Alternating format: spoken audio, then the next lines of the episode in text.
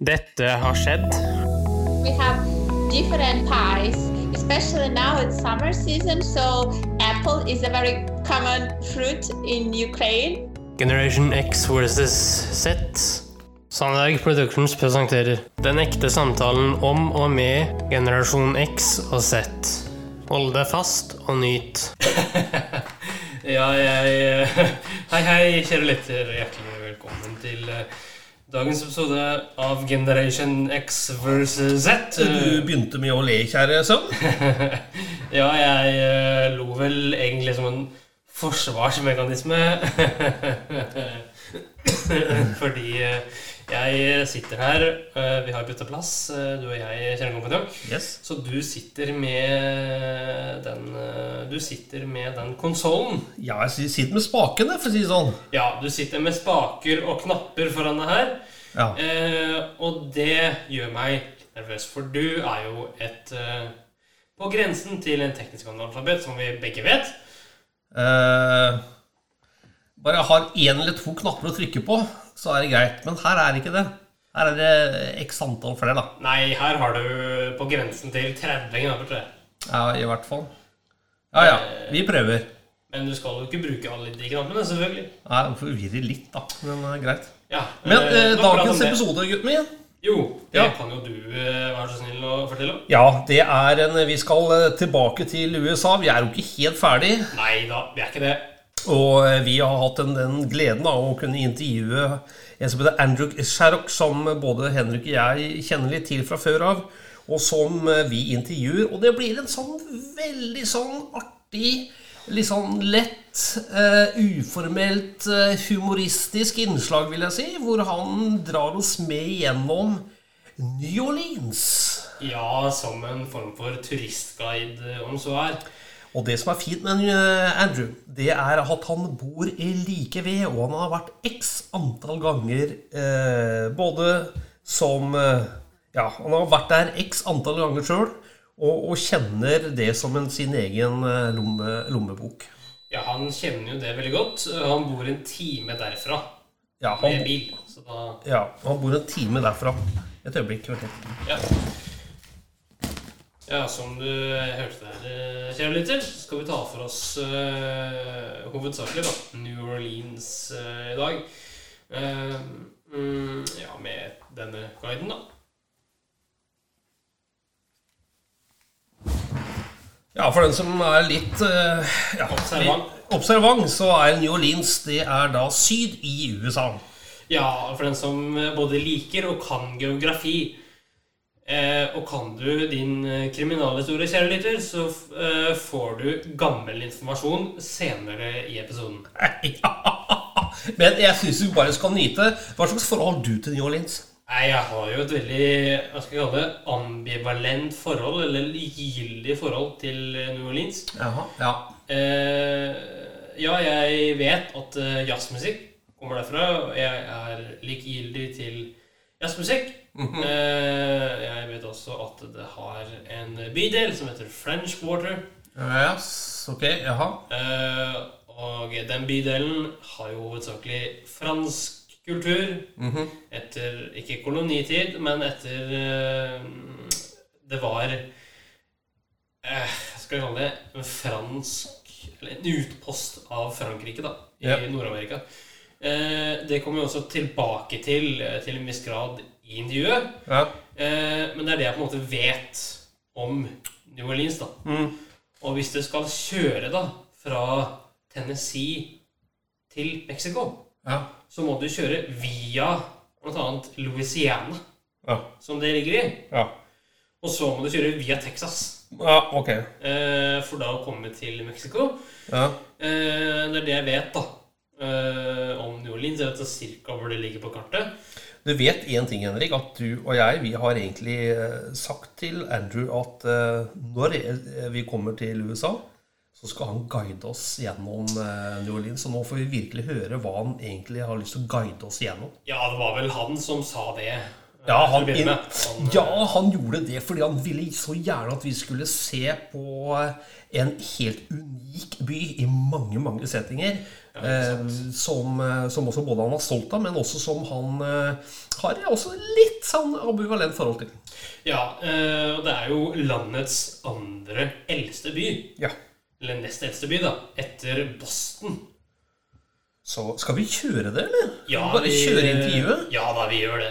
Vi gjør det? Vi bør ikke sitte her og dvele Nei, lenger. vi kjører har, på. eh, Det gjør vi. Så uh, listeners, enjoy. Well, Andrew, thank you for the last time with us and uh, You're very tell us about Miami, Florida. And we are going again some places we don't know, but hopefully we can show the way and and uh, Sure. Sure. yeah. Yeah, yeah. I mean, you know, one of the best places to start is close to home, right? Why don't we start close to home? Um, Yes. And again, thank thank you for having me. Uh, once again, you are making me feel much more important than I actually am. So uh,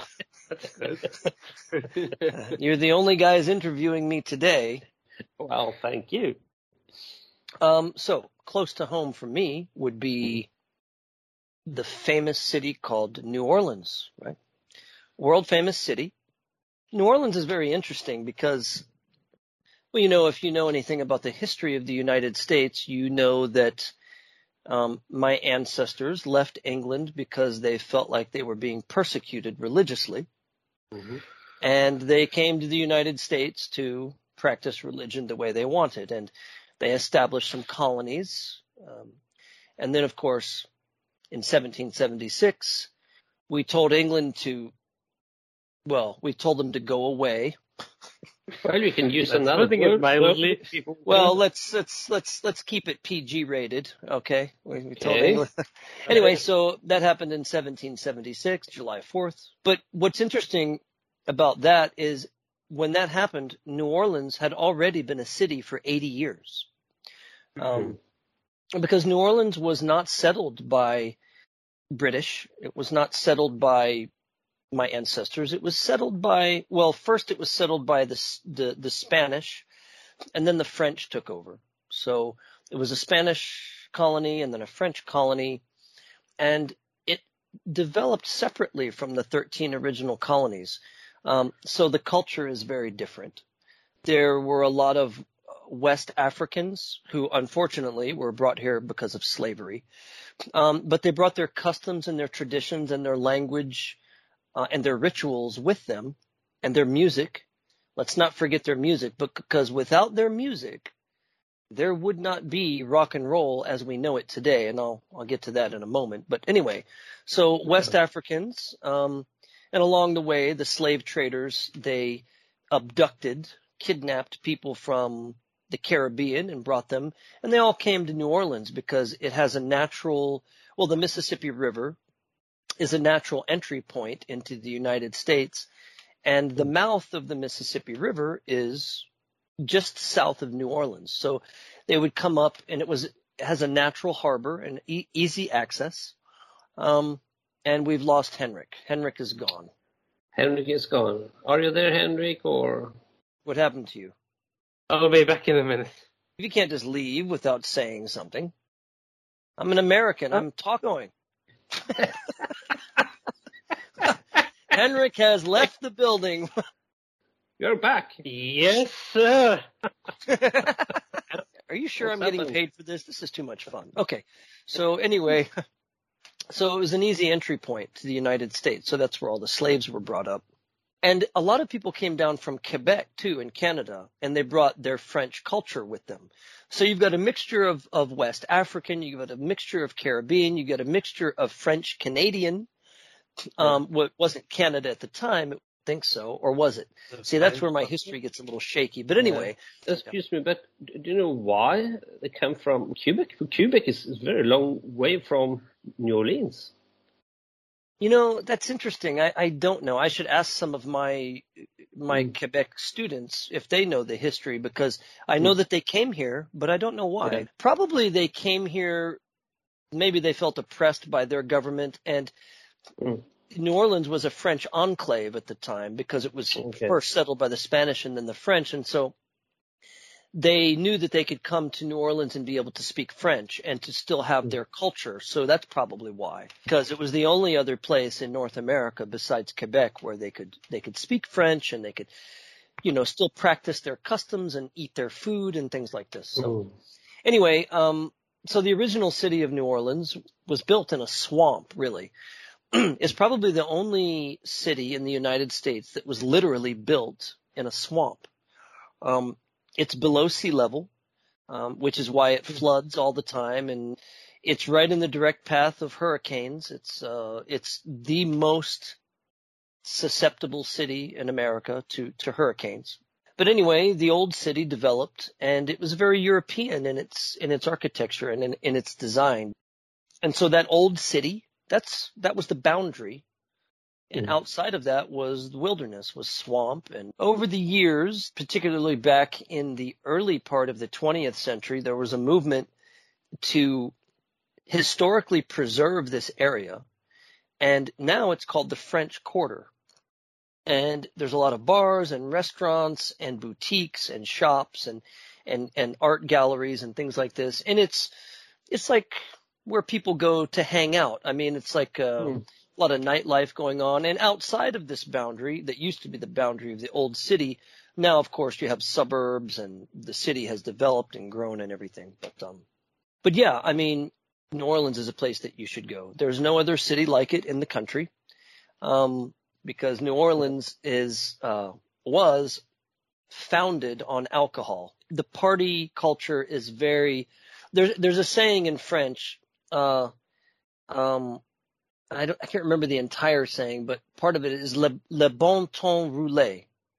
Let the good times roll. And so it's a very festive city. There's a lot of festivals throughout the, throughout the year. There's of course Mardi Gras, which is the famous, um, carnival, which leads up to the beginning of Lent. Lent is that period in, uh, when, when people fast to honor uh, Jesus's 40 days and 40 nights in the desert when he didn't eat and when he was on like a fast and on a vision quest. And so in order to honor Jesus during Lent, people, they fast, I say fast, they give up one thing, you know, whether that be alcohol or chocolate or red meat or something. They don't fast like he did. Before that, leading up Yeah. to that, they party like there's no tomorrow for like two or three weeks before that, and that's called Mardi Gras, which translates in French to Fat Tuesday. It's called fat because they eat and drink as much as they possibly can because they know they're about to go on a month or two month long fast. Um, but it's not just the Tuesday prior to that. It's like three weeks prior to that. And, you know, there's parades and people get dressed up and it's just, it's a very popular tourist destination. People from all over the world go to New Orleans for Mardi Gras. So you have a city of 1.3 million people that during the time of Mardi Gras, the population increases to 2.5 million people. Oh, Wow. You have like over a million people visiting the city with, so Is there's it a crowded place, Andrew?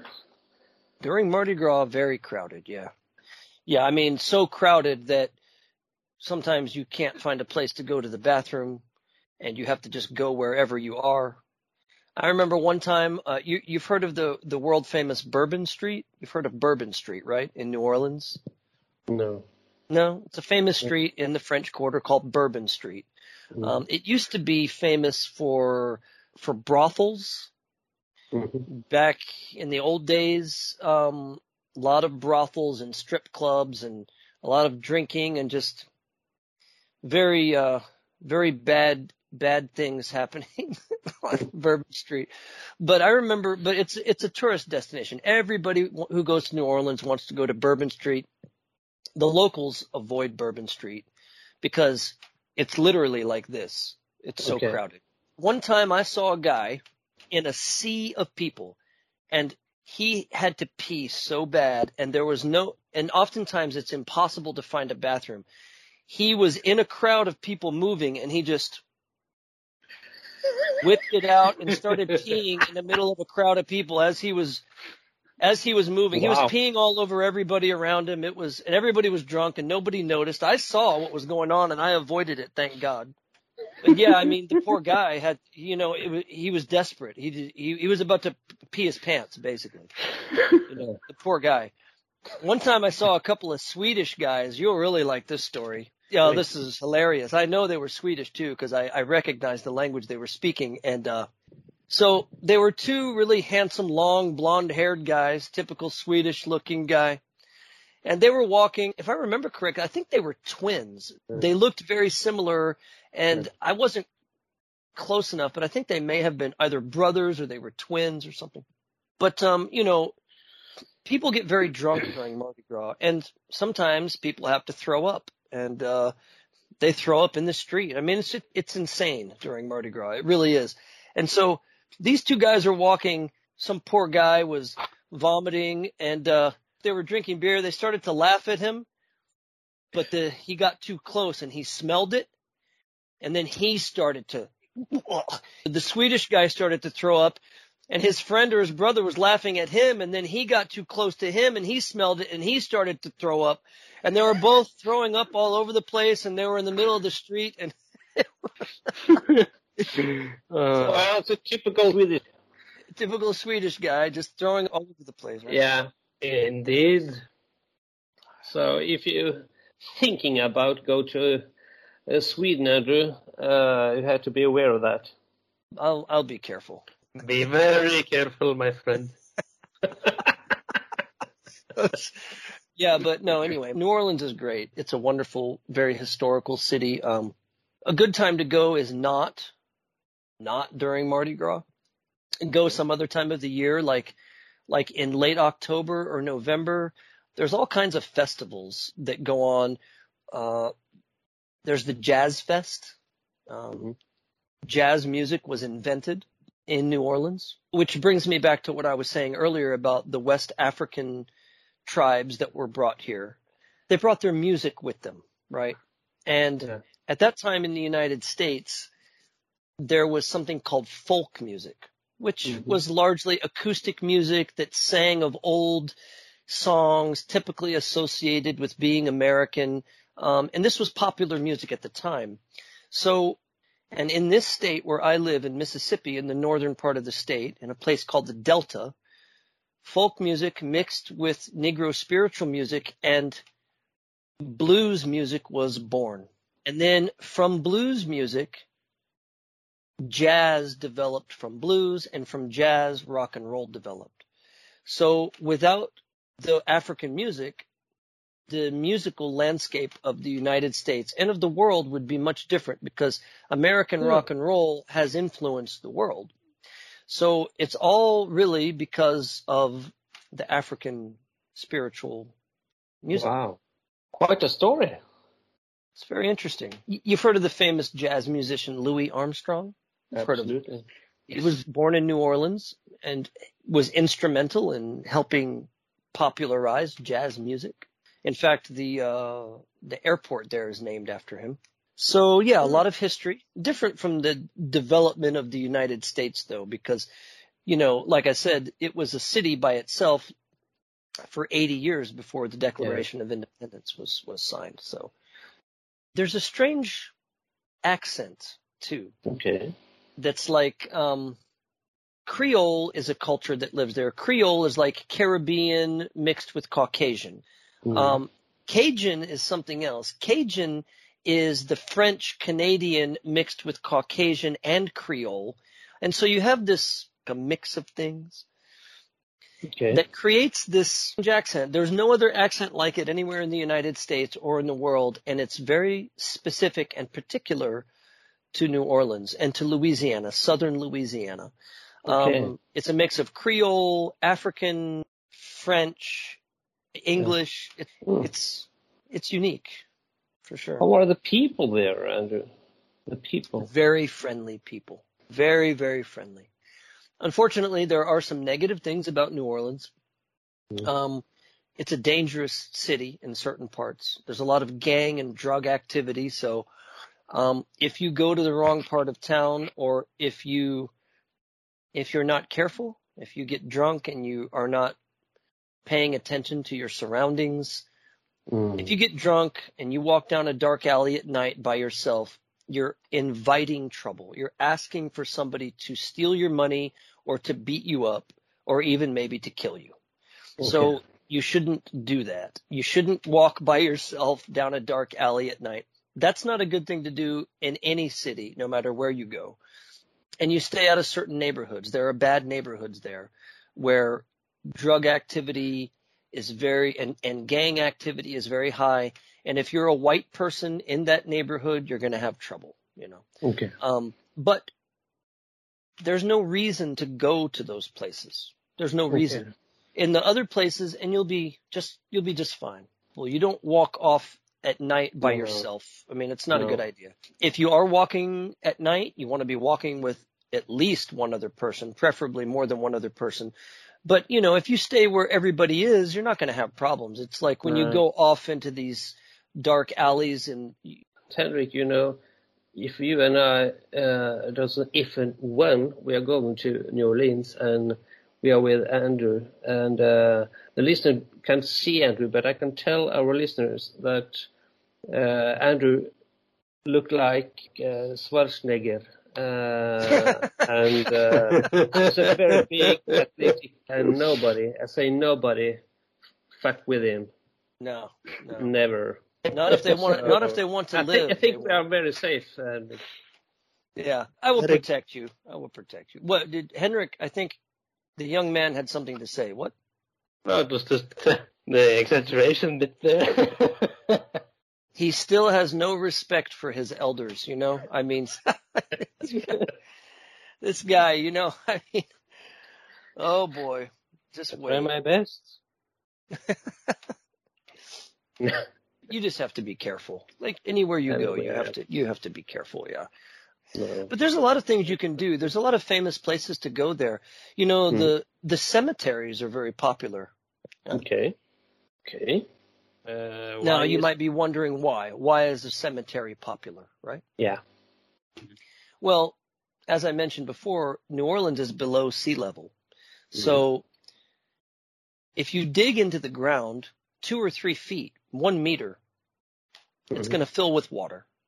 So you can't put the graves underneath the ground. They have to be above ground. And they're created in these, these things called mausoleums. It's a, it's an Mhm. above ground tomb, basically. Yeah. And this is unique. There's no other city in the United States that has these kinds of burials ground. Um, and the architecture is very beautiful and you can take guided tours through the, uh, through the cemeteries. In fact, there's a movie from the 1960s called Easy Rider. Paris probably seen Easy Rider. Dennis Yeah. Hopper, Jack Nicholson, right? Yes. There's a famous scene there where they're in a cemetery, and that's a famous cemetery in New Orleans.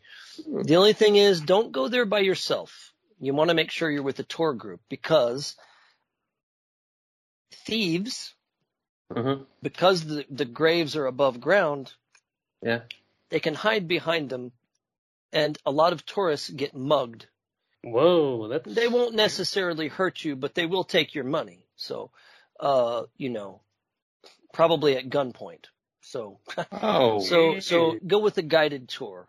If you go with a group, you're not going to have any problems. It's kind of like the, the apex predator watching Yeah. a herd of, of Yeah. animals. He always goes for the weak one by himself, you know? Yeah. Stay with the herd Yeah. because, I mean, most likely you're not going to get killed, but somebody could knock you over the head or something like Yeah. that, or just point a gun at you. Even if you don't get hurt, getting a gun pointed at you is no Wow. fun. That happened to me in New Orleans before. I've had a gun pointed at me in New Orleans. So, Wow. like I said, it's a dangerous city, but I was in the wrong, I was doing the wrong thing. I was doing exactly what I told you not to do. It, it sounds scary, like, oh, New Orleans is a very dangerous place. It is Yeah. dangerous, but you have to just not go to the dangerous places. It's not like, it's not like you're going to be walking down the street in broad daylight mm. and someone's going to gun you down. It's not like that. No. It's just if you go to the wrong places, you're going to have problems. So just don't go to the wrong places and just be aware of what's going on around you. That's Yeah. it. You'll be safe. Millions of tourists go to New Orleans every year and don't have any problems. So, Yeah. Is it possible to go to swamp trip by boat or? Absolutely. I'm glad you asked that. That was going to be one of the things I, I was going to talk about that. Yes, absolutely. Um, you can take swamp tours. This time of year is not the time to do that. You want to go in late October, November, December. January and February can get pretty damn cold because it's very humid. So, um, Okay. but October and November, perfect time to take a swamp tour. Yeah. Too hot or? Oh, Huh? yeah. Yeah. It's a swamp. It's a swamp in the summertime. Yeah. You don't you don't want to Yeah. be there. Okay. Just the insects alone make you not want to go there in the summertime. But then you Okay. got the heat and oh, it's miserable. Yeah, it's miserable. Okay. But they're very cool because you can see all different kinds of wildlife. Yes, alligators, of course, snakes, yes, but you can see all different kinds of birds and um, turtles, and it's it's very in- interesting. Yeah, it's fun. It's very interesting. You can also take a riverboat tour. Yeah. You know the, the the boats with the big paddle wheels in the back. Yeah, yeah. Yeah. It's old-fashioned kind of boats. like in Mark Twain novels. You ever read any Mark Yeah, Twain when he's on the river in the paddle boat? Yeah. Yeah, and these are these are boats you can take along the Mississippi River and you Yeah. can see the city from the river, which is a different perspective. Oh. Well, they have bars on these boats, so you can drink and eat and yeah, Oh, it's very cool. Very fun. It's unique. It's unique. Yeah, New Orleans Yeah. is unique. There's a lot of beautiful, um, you know, everything grows very well in New Orleans. So it's famous for courtyards. So you might pull up to a hotel or to an apartment building Yeah. and there'll be a metal gate in the front. And when you open the gate, it opens into a courtyard that has a stone wall around it. And usually in the middle of the courtyard will be a fountain and there's all kinds of plants and trees and flowers. It's like a, it's like an arboretum or like a greenhouse, you know. And Hmm. then you walk through the courtyard and on the other side is the entrance to the building you're trying to go to, whether it be an apartment building or whatever. But these are very common, these courtyards. It's a very Wow. haunted city too. Um, Oh. if you if you believe in that sort of thing, it's got one of the biggest Halloween celebrations in the country. It's very popular to go to New Orleans for Halloween. Yeah. And uh, Henrik and I, we know it's a serial killer from 1870. Serial killer? Yeah. Madame Story, does it sound familiar? Oh yes, yeah. She She killed a lot of people in Uh, her house. mostly slaves. Yes. She is one of the most notorious serial killer that New Orleans has ever seen, and um, it's for reasons like that.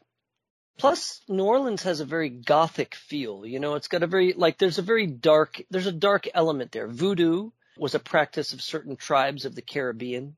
Yeah. And so they brought this black magic up to New Orleans. And so there's this whole, of course, you know, it's been packaged neatly into the tourist industry and, you know, they're Yeah. promoting voodoo this and voodoo that. And, um, in fact, there's a, fe- there's a music festival called Voodoo Fest.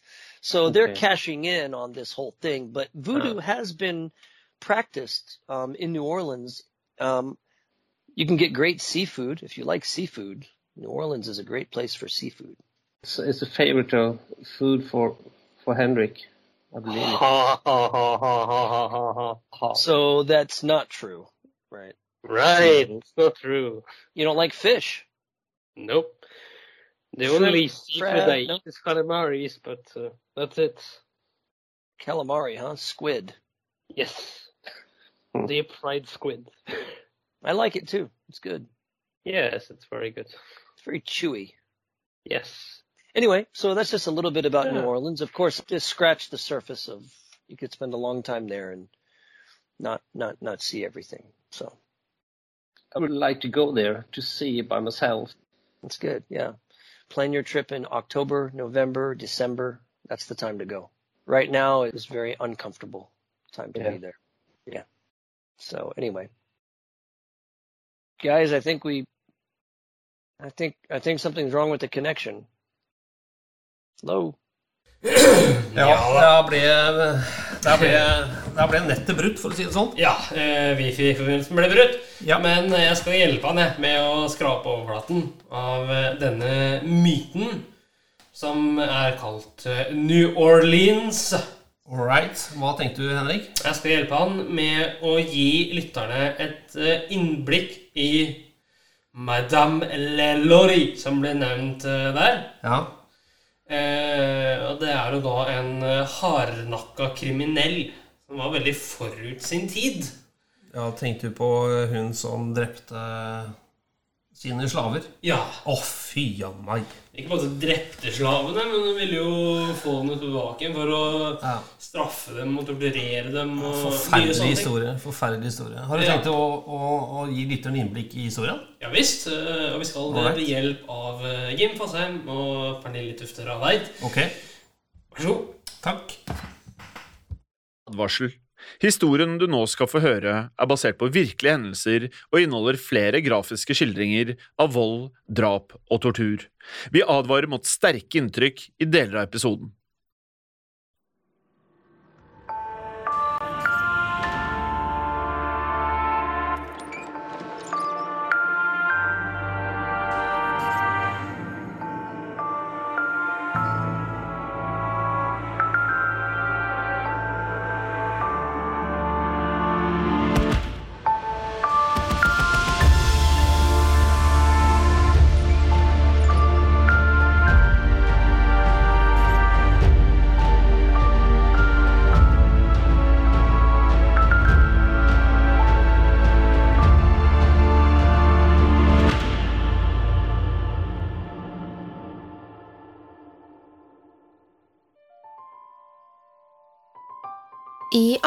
1834 bryter det ut en brann i New Orleans.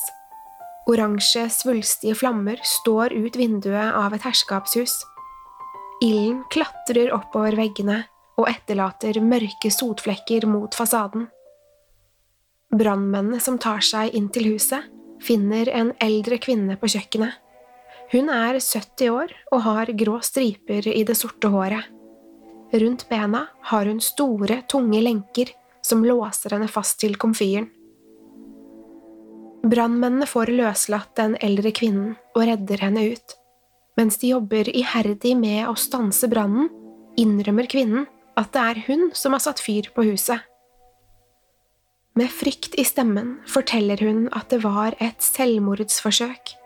Frykten for at herskapshusets eier skulle straffe henne, var så enorm at hun heller ville dø. Ifølge den eldre kvinnen finnes det et rom øverst i huset som alltid står låst, og slavene som blir tatt dit, kommer aldri tilbake. Marie Delphine McCarthy blir født i New Orleans i 1787. Det er kolonitid og spansk regime i store deler av dagens Louisiana. Slavehandelen blomstrer, og desto rikere en familie er, desto flere slaver har de. Familien til Delfin er svært velstående. Mange av mennene i familien har militærbakgrunn og spiller viktige roller i byens politiske bilde.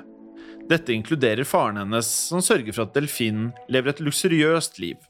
I New Orleans eier han store plantasjer, og slavearbeidet sørger for at han blir stadig rikere. Familien har også mange slaver boende i egne brakker på eiendommen. Slavene rydder, lager mat og klipper den store plenen. Delfin trenger derfor ikke å løfte en finger. Er hun sulten, kan hun be kokken om å lage et herremåltid. Er hun kald, kan hun be husholdersken om å tappe henne et bad fullt av deilige såper og lukter. Selv om faren forsørger familien, er det moren Delfin ser opp til. Moren hennes er kjent for å invitere til storslåtte fester i det gigantiske huset. Hun elsker å være vertinne og viser gledelig frem rikdommen til andre. I sin sommerkjole mottar hun gjester som får servert mat og drikke fra slavene. Selskapene varer ofte til langt på natt, og når solen har gått ned, bader gjestene i kanalen som renner gjennom eiendommen. Delfins mor er en livlig og gøyal dame. Hun finner ofte på sprell, for mens de besøkende bader, lister moren til Delfin seg ned til kanalen. Her stjeler hun klærne til noen av de mannlige gjestene. Deretter løper hun stille over plenen, inn i huset. Der finner hun Delfin. Sammen titter de ut gjennom gardinene og ler av mennene som går hjem barføtt og uten bukser. Barndommen til Delfin er overdådig og elegant. Den varer imidlertid ikke lenge. Som 13-åring gifter hun seg med en 22 år eldre mann. Mot sin vilje vies hun med Ramón, en 35 år gammel spansk offiser. Ramón er heller ikke begeistret over giftermålet. Han er enkemann og gifter seg med Delfin kort tid etter hans kones død. Ramón klarer ikke skjule savnet etter sin avdøde kone, og Delfin sliter med å gjøre ektemannen til lags.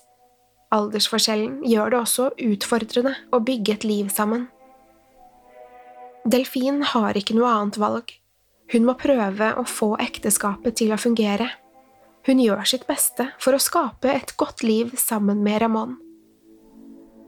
Etter fire år sammen blir hun endelig gravid. Lykken er dessverre forbigående. Ramón får aldri møtt barnet Delfin bærer på. Siden han er offiser, blir han nødt til å reise til Spania. På vei tilbake til USA kantrer skipet, og Ramón omkommer. Delfin blir dermed enke som 18-åring etter kun fem års ekteskap. Noen få dager senere føder hun sin første datter, Marie. Delfin søker hjelp av sin mor. Hos henne får hun trøst etter det tragiske tapet. Det er likevel vanskelig for henne å glede seg over fødselen når hun bærer ansvaret helt alene.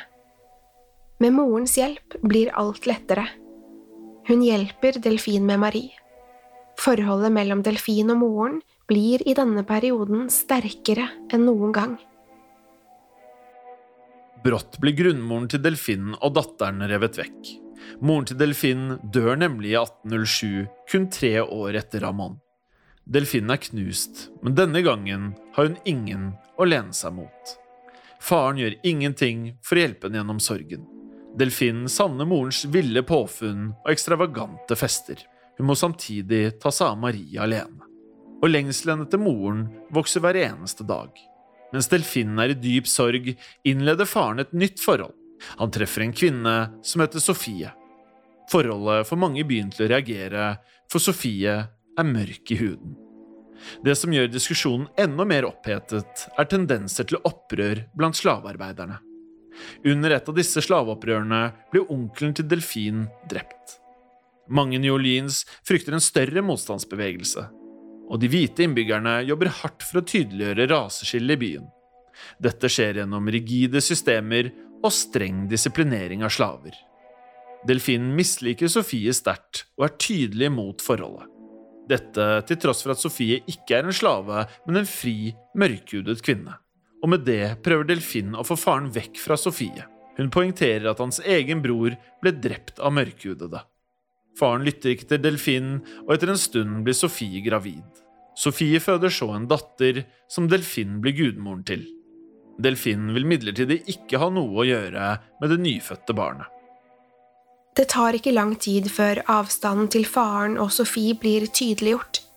Delfin gifter seg på nytt og trenger ikke lenger støtte hjemmefra. Den nye ektemannen, Jean Blanc, er en lovende ektemann. Dessuten har Delfin rikelig med penger etter moren. Hun har arvet to plantasjer ved Mississippi-elven, over 50 slaver, husdyr og gårdsutstyr. I tillegg til å være bankmann er Jean Blanc en nådeløs forretningsmann. Over flere år har han nemlig vært involvert i slavehandel. I tillegg har han samarbeidet med to fryktede pirater. Pengene Jean Blanc trener, er med andre ord ikke utelukkende lovlige. Dette bryr ikke Delfin seg noe om. Hun flytter sammen med Jean Blanc i et stort hus på Royal Street her har de god utsikt til Mississippi-elven. Like ved det nye huset ligger Bank of Louisiana, hvor Jean Blanc er direktør. Livet smiler til Delfin, og over de neste årene får paret fire barn sammen. Ekteskapet med Jean Blanc skal også vise seg å bli kortvarig. Som 28-åring blir Delfin enke for andre gang. Etter Jean Blancs død kommer det frem at han ikke var så vellykket som han selv ga uttrykk for. Motivet for giftermålet med den rike delfin stilles i nytt lys. Delfin blir sittende alene igjen med Jean Blancs gjeld og må dermed nedbetale 2,5 millioner dollar. Samtidig som delfinen prøver å ta vare på sine fem barn, må hun si fra seg huset i Royal Street. Hun taper mange eiendeler og blir tvunget til å selge store landarealer. Det neste tiåret bruker hun på å bygge seg opp økonomisk. Hun auksjonerer vekk både slaver og Seans eiendeler. Med pengene fra huset og auksjonene begynner hun sakte å betale tilbake pengene han skyldte. Gjelden er i ferd med å ruinere henne helt. Redningen blir til slutt farens død i 1824. Han etterlater barna betydelig med penger. Datteren han fikk med Sofie for 5000 dollar og et par slaver. Arven redder henne økonomisk, og etter å ha betalt ned gjelden kan hun igjen smykke seg med overdådig rikdom. Det skal likevel vise seg at det allerede er for sent. Tapet av Juan og den enorme gjelden har forandret Delfin. De grufulle handlingene har allerede begynt. Nøyaktig hva som er årsaken, er vanskelig å vite. Det eneste som er sikkert, er at hun lar både sinne og fortvilelse gå utover andre. For å få utløp for følelsene sine har begynt å torturere slaver. Åtte av slavene til delfinen dør i løpet av fem år. De som mister livet, er unge kvinner og barn. Overraskende nok vekker ikke dette oppsikt, og langt flere menneskeliv skal gå tapt før noen retter blikket mot Delfin.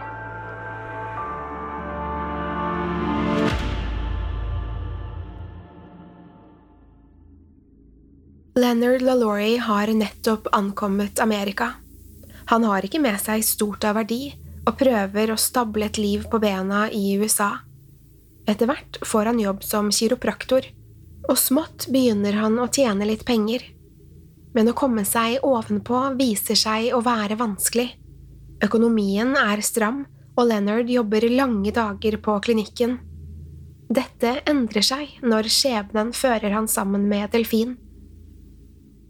Et av barna hennes har sterke ryggsmerter, og Leonard er den som ser på skadene.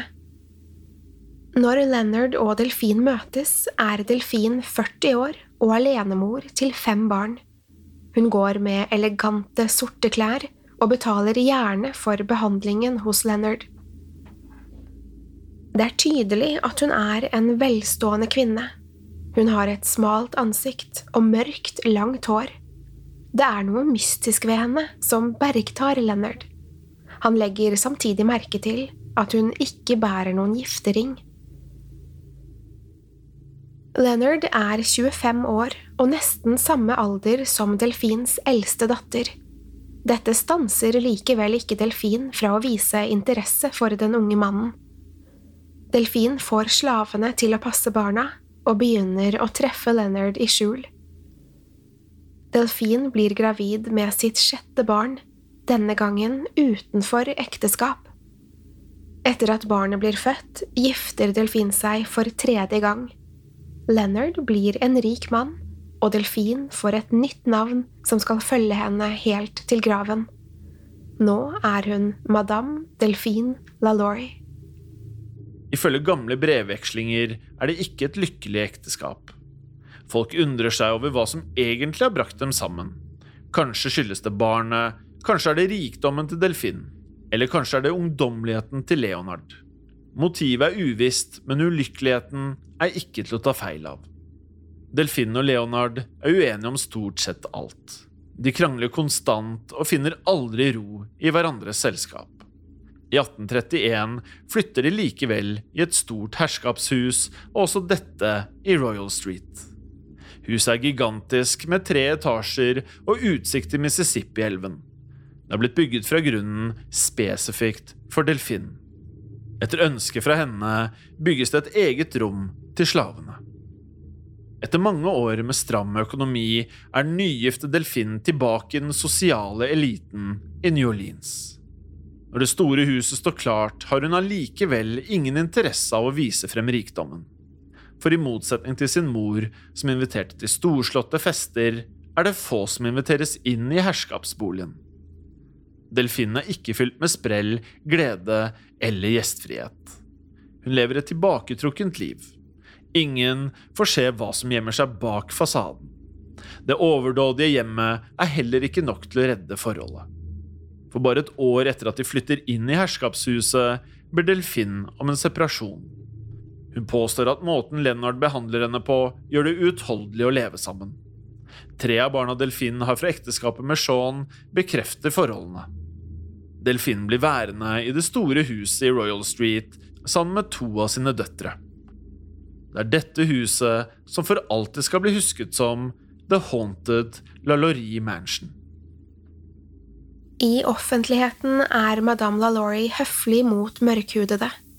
Hatet som ligger og murrer under huden hennes, er vanskelig å spore. Når Delfin går gjennom sentrum, har hun ofte med seg et par slaver. Disse har fyldige kinn og ser umiddelbart friske ut. Delfin behandler dem med omsorg og er alltid høflig. Slavene som blir observert på eiendommen til delfinen, er i en helt annen forfatning.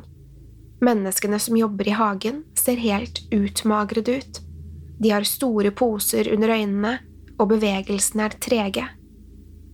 Den pene fasaden Delfin har opparbeidet seg, begynner å slå sprekker. Flere fatter mistanke om at alt ikke er som det skal i den luksuriøse LaLaurie-villaen. Det er spesielt én hendelse som får lokalsamfunnet til å rette blikket mot Madame LaLaurie. Midt på lyse dagen får en av herskapshusets naboer øye på noe merkelig. På taket av villaen til Delfin står en liten, mørkhudet jente. Jenta heter Lea. Hun er tolv år gammel og ser skrekkslagen ut. Bak henne står delfinen og veiver med en pisk. Lea har klatret opp på taket for å unnslippe delfin, som roper og skriker mot henne. Ryktene sier at Lea skulle gre håret til delfin da hun satte fast hårbørsten i en floke. Forsiktig prøvde Lea å vikle ut hårbørsten. Hun hadde vært uheldig og lugget i håret til delfin. Det var dette som fikk delfinen til å fyke opp fra stolen og jage Lea rundt i huset. Oppe på taket står Lea helt ytterst på kanten. Hun prøver desperat å komme seg så langt vekk fra delfinen som overhodet mulig. Naboen som ser på, skjønner ikke hva som skjer. Lea vingler helt ytterst ved kanten. Brått mister hun balansen og faller ned fra taket. Det finnes lover og regler for hvordan slaver skal behandles. Etter Leas fall fra taket blir en advokat kontaktet av naboen. Han besøker herskapshuset for å gå over reglene med delfinen. Når advokaten besøker henne, finner han imidlertid ingenting som tyder på mishandling av slavene. På vei ut fra boligen beklager han delfinen for bryet. Selv om hendelsene ikke får noen direkte konsekvenser, svermer ryktene om hva som foregår i villaen. I byen sies det at delfinen holder husets kokk lenket fast til komfyren på kjøkkenet. Andre historier sier at hun slår døtrene sine til blods hvis de prøver å mate slavene. Det tar heller ikke lang tid før ordet sprer seg til flere høyprofilerte borgere. Og nok en gang får Delfin besøk av en advokat.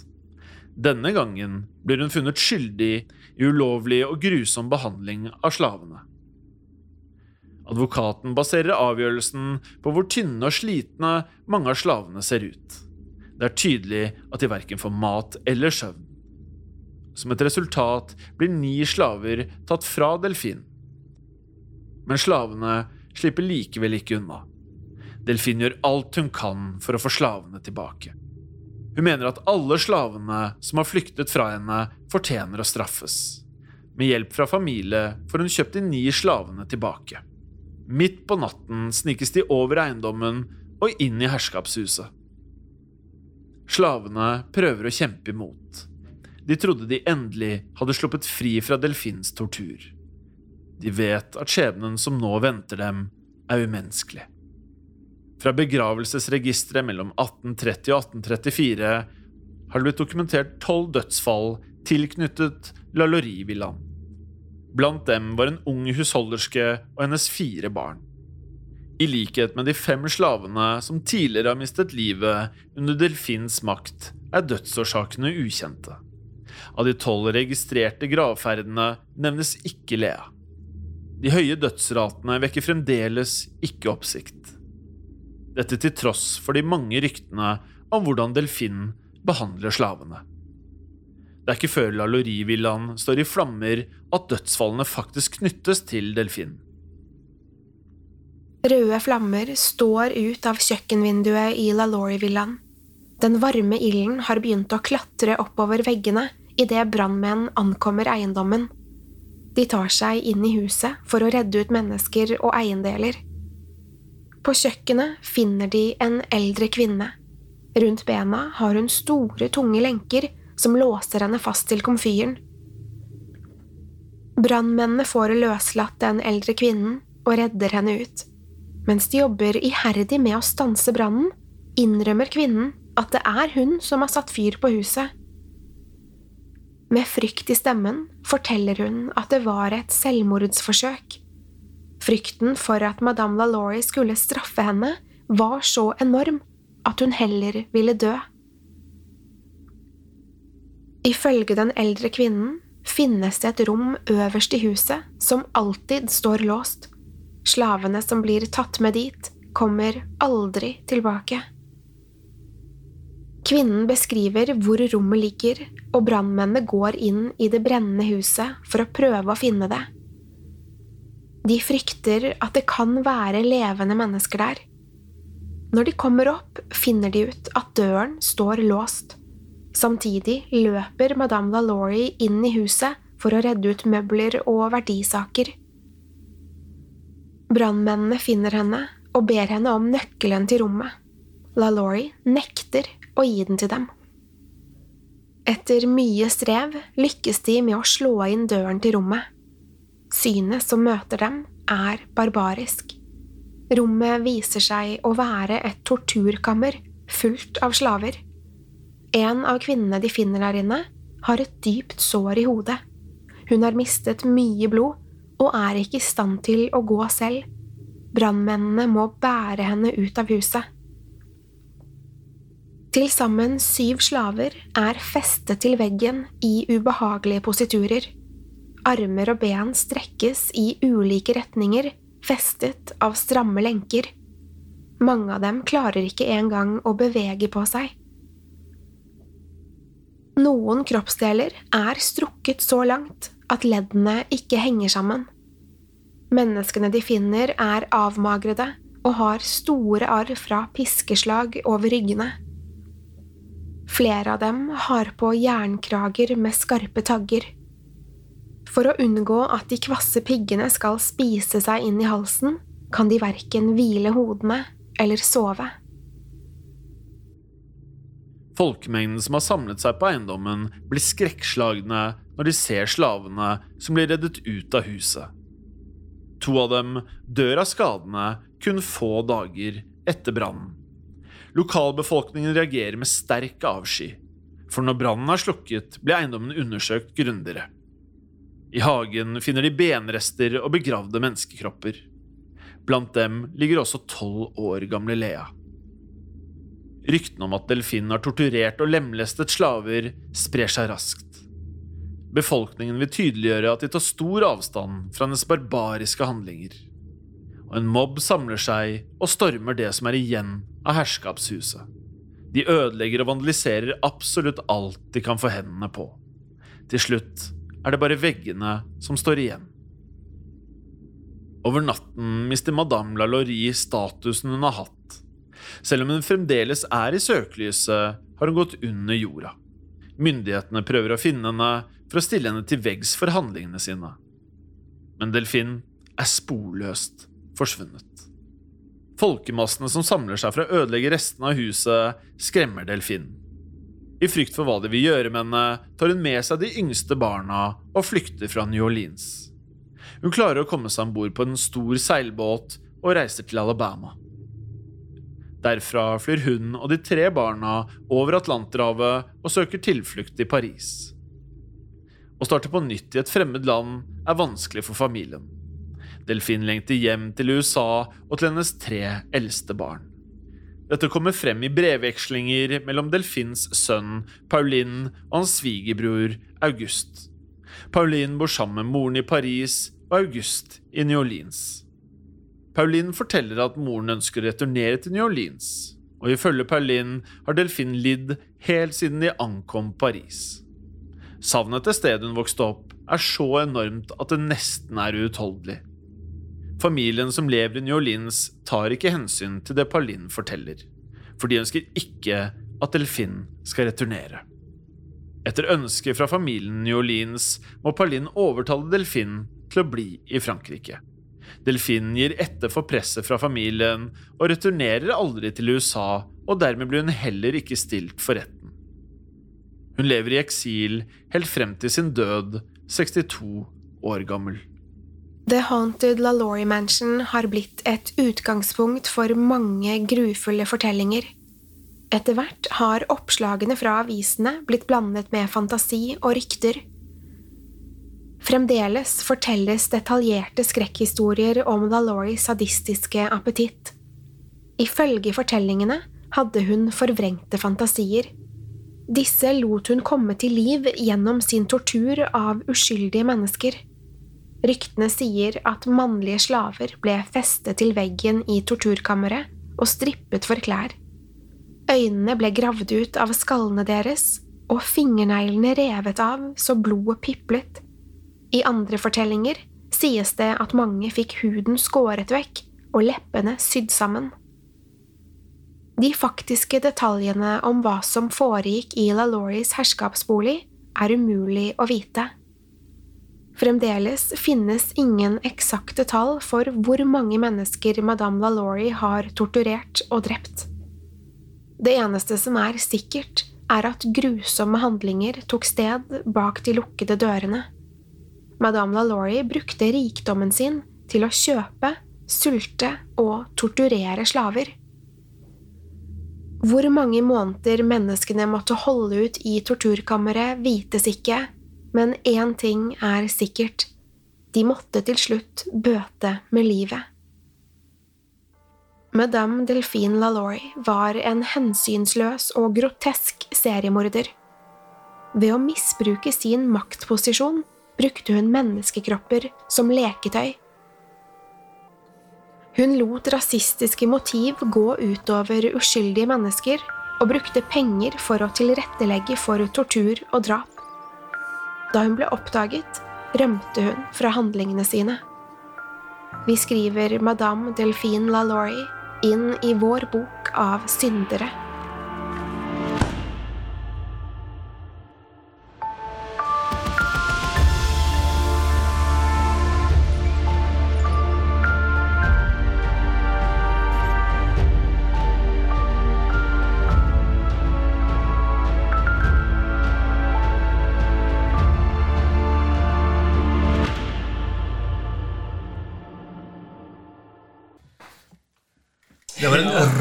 Historie, Henrik. Ja da! Rå historie. Det kan du banne på. ja, vi skal eh, nok en gang vi skal runde av, eh, men eh, ikke helt ennå. Hva tenker du på? Jeg tenker det faste innslaget. vet du. Kjør på. Thank you. Oi, fader. Nå driver han og fomler.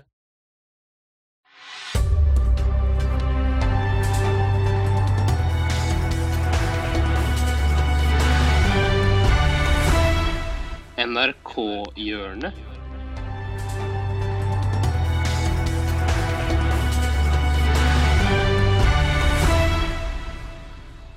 I NRK-hjørnet i dag, eh, kjære lytter, skal vi til NRK Best Off.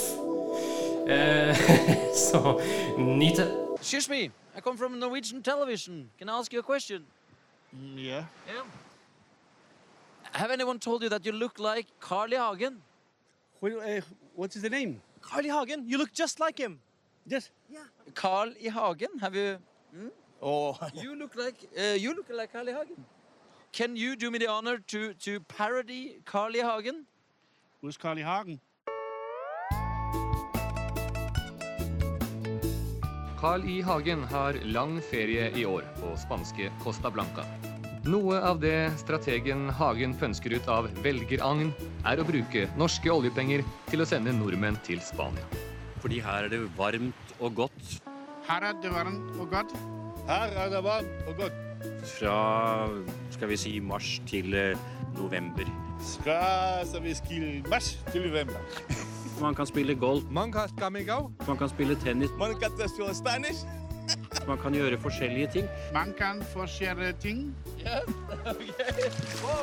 Vi har altså fått eh, 80 milliarder kroner. Vi har fått 8 milliarder kroner.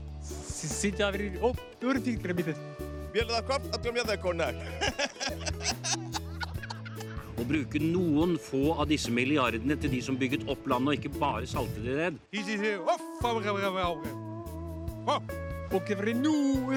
Og det blir ikke noe press i innenriksøkonomien av det. Det blir ikke noe press i innenkommet, Edvard. Det blir sånn I can tell you. Fantastic. You have done an amazing job. Okay, thank you. Bye.